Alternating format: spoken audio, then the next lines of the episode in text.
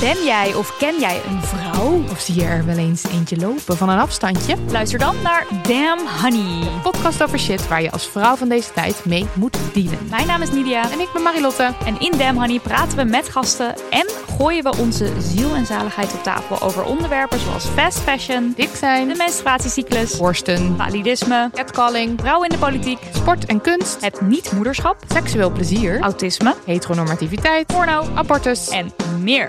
Elke zaterdag in je podcastfeed.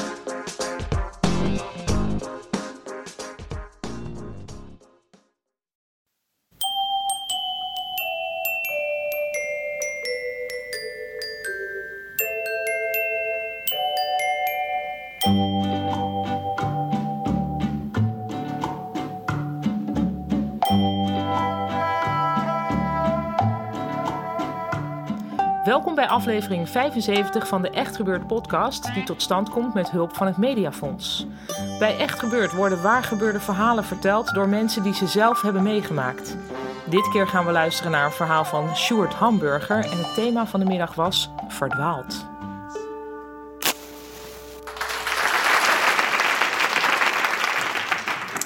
Ik, eh, ik wil heel graag meenemen naar Afrika, naar de oever van de Zambezi. Op de grens tussen Zambia en Zimbabwe in het jaar eh, 2007. Ik was toen eh, een hele fanatieke roeier. En ik was uitgenodigd om te roeien in een race op de Zambezi, vlak boven de eh, Victoria watervallen. En we zijn met een hele grote groep roeiers via Londen en Zuid-Afrika naar Livingstone in Zambia eh, gevlogen. Dat was heel goed geregeld, heel luxe, alles voor elkaar. En toen we er aankwamen, was het eerste wat we moesten, werden we allemaal in een, eh, zaal gezet met een, man die ging wat vertellen en die zei... we hebben twee dingen en dat is een safety briefing. En ten eerste over het roeien. Het is heel gevaarlijk. Er lopen olifanten aan de kant. Er zwemmen krokodillen in het water. En er zwemmen nijlpaarden in het water. En voor je in het water opgaat, eh ga dan niet weg voordat de boot met de eh, parkbewaker achter je vaart met een doorgeladen shotgun. En de- daar zei hij, de, de tweede is Afrika, Zambia zelf. Alleen maar witte, hè, om, om witte mensen omheen. En dit is Zambia, jullie zijn allemaal wit. En veel witter dan de bevolking. En zij denken dat jullie allemaal ontzettend rijk zijn. Nou, pas daarmee op. Eh, ga niet in het donker de compound af. We sliepen op een heel mooi hotel, hek eromheen, hartstikke veilig. Maar zegt s'avonds niet in je eentje naar buiten. Nou, ik keek om me heen en ik zag alle Amerikanen een beetje nou wit wegtrekken. Ik had zelf zoiets van, nou, ik, ik, kan hier niet zoveel mee, maar je, je slaat het toch op in je hoofd.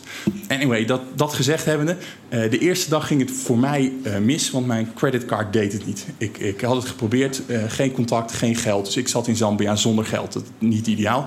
Dus toen dacht ik, de tweede dag, dat moet ik regelen. En voor die tweede dag hadden ze een dagprogramma georganiseerd... waarbij je kon kleiduiven schieten in de woestijn. Nou, ik heb niks met jagen, maar kleiduif schieten in de woestijn in Zambia... ik, was zeker, ik wou het zeker gaan doen. En eh, het eerste dat ik dacht, ik moet, ik moet geld hebben, want anders kun je überhaupt niks. Dus ik ben 's ochtends het dorp ingegaan bij de bank. En er stond een hele grote eh, rij met mensen. Ik ben er gaan staan, ik zweette, echt, ik zweette me helemaal dood. En toen kwam ik daar aan en ik zei, nou, creditcard doet het niet. Die man kon het niet fixen. Heftige heen en weer bellen naar eh, Europa. Geen creditcard, geen geld, ik onverrichte zaken. Terug naar, eh, terug naar het hotel. En toen ik daar aankwam was ik uiteraard net te laat om nog te kunnen kleiduiven schieten. De jeeps waren weg. Gelukkig was er ook een eh, barbecue. En de, de barbecues later, konden we opgehaald worden. kon je als, alsnog erheen. Dus ik ben naar mijn kamer gegaan. Ik zweet als een otter. Ik denk eerst even eh, douchen. Ik ben daar heel even op mijn bed gaan liggen. En, in slaap gevallen. En toen ik wakker werd, was het te laat. Dus ik ren naar de lobby. eh kwartier te laat. Jeep weer weg. Geen eten. Dus ik, ik stond in mijn eentje in die lobby. Iedereen was weg. We hadden het hele hotel voor onszelf eigenlijk. En ik, dus ik zeg tegen de vrouw... eh, Ik, ik wil er toch graag heen. Want ik, ik, ja, ik heb honger. Ik heb geen geld. En zij begint meteen in houding. En ze zegt, ik eh, regel een taxi. En zij begint meteen een taxi te regelen. Zegt, die is er in 10 minuten. En ik probeer haar dus die hele 10 minuten uit te leggen. Ik zeg, taxi is waarschijnlijk niet het beste idee, want ik heb geen geld. En geen geld in taxi is gewoon niet handig. Maar zij zegt, nee, komt zeker goed.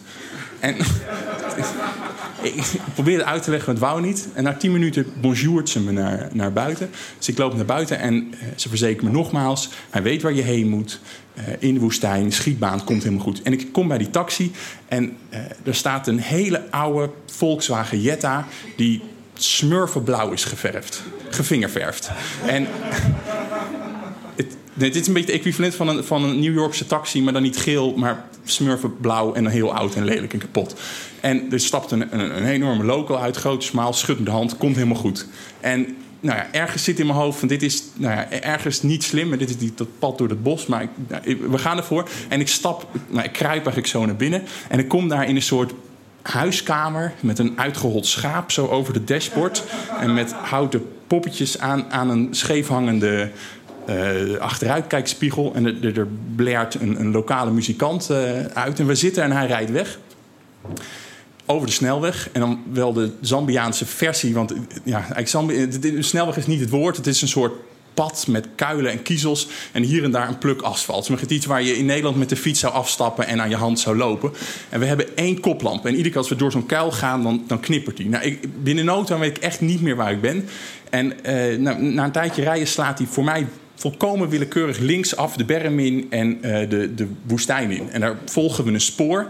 En ik begin daar langzaam af te vragen: van, ik heb niet een heel raar gevoel bij deze man, maar ik maak me toch enige zorgen. En hij zegt: het is op dat moment echt pikdonker. We zijn stevige tijd onderweg. En hij zegt. Uh, kijk opzij, want zie je de ogen. Do you see the eyes? Dus ik kijk opzij, neus tegen het raam... en er lopen een meter of veertig twee olifanten.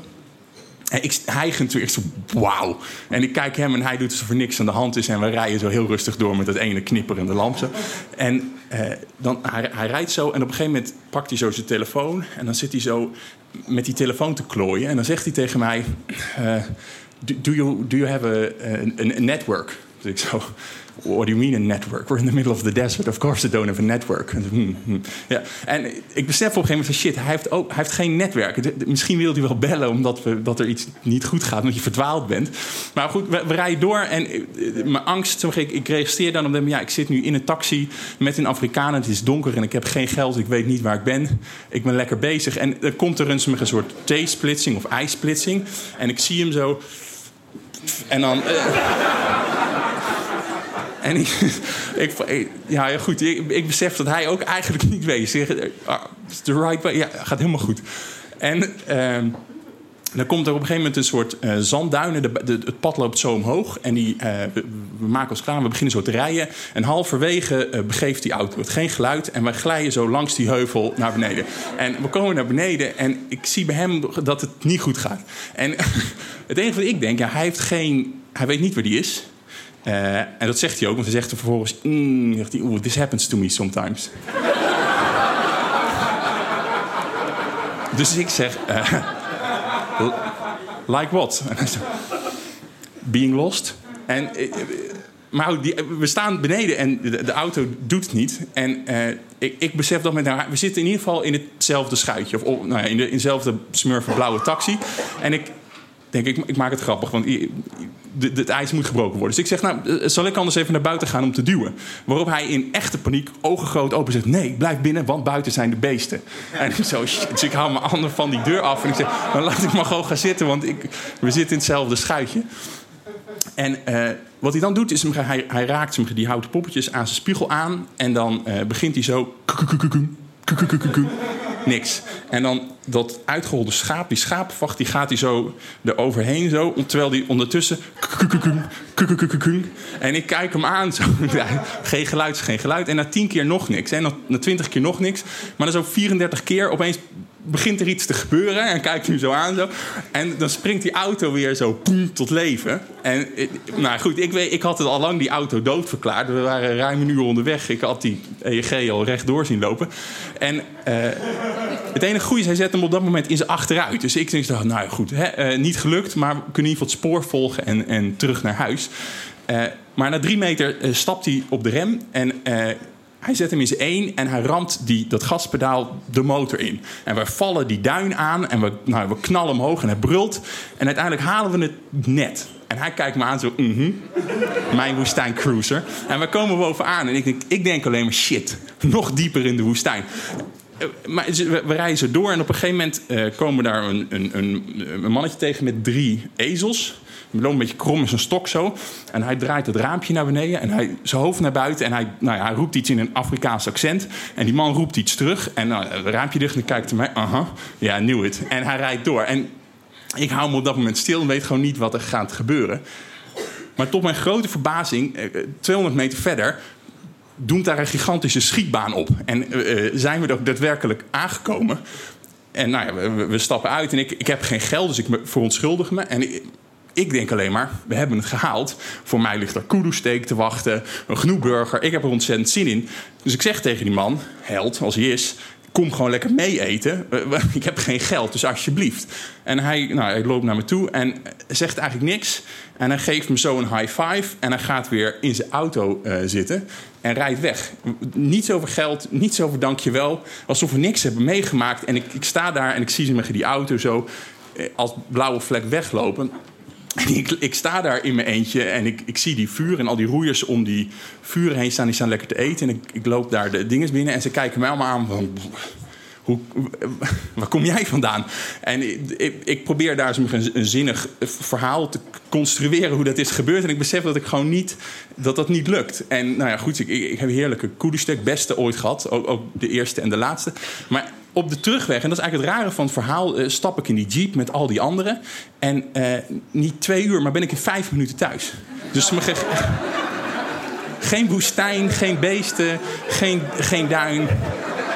Niks. En eh, ik heb het meegemaakt. Maar nou ja, goed. Dus.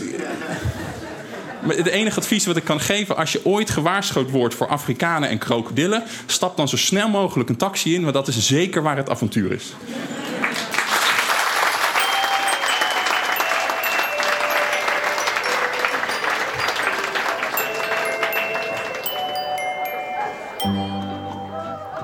Dat was het verhaal van Sjoerd Hamburger. Mocht je meer van hem willen horen, hij is te boeken via sportspeaker.nl. Echt gebeurd wordt iedere derde zondag van de maand opgenomen in Toemler onder het Hilton Hotel in Amsterdam. Heb je zelf een bijzonder verhaal te vertellen of wil je er gewoon een keertje bij zijn als er waar gebeurde verhalen worden verteld? Ga dan naar echtgebeurd.net. Dan kun je je ook opgeven voor onze eens per maand nieuwsbrief. En je kunt ons liken op Facebook en volgen op Twitter, waarderen op iTunes. Dat kun je eigenlijk niet. Hoe meer mensen ons kennen, hoe meer verhalen er verteld zullen worden. Oh, en ken je iemand die een mooi verhaal heeft, maar die nog een zetje nodig heeft? Laat het aan ons weten, dan helpen wij diegene naar het podium. De redactie van Echt Gebeurd bestaat uit Eva Maria Staal, Micha Wertheim en mijzelf, Paulien Cornelissen. De productie wordt gedaan door Rosa van Toledo en de techniek door Nicolaas Vrijman. Echt Gebeurd komt tot stand met steun van het Mediafonds. En kijk voor veel meer mooie audio op de website boord.nl, waar deze podcast ook op verschijnt. Dit was de 75ste aflevering van de Echt Gebeurd podcast. De volgende Echt Gebeurd middag is pas weer na de zomer op 21 september. Tot die tijd moet je je behelpen met deze podcast of met onze twee luisterboeken waar de mooiste verhalen op staan. Maak die autorit onvergetelijk, dat zeg ik. Bedankt voor het luisteren. Tot de volgende podcast. En denk eraan, als je ooit gaat barbecuen in de woestijn, zorg dan dat je Sjoerd Hamburger bij je hebt, want dan komt het goed.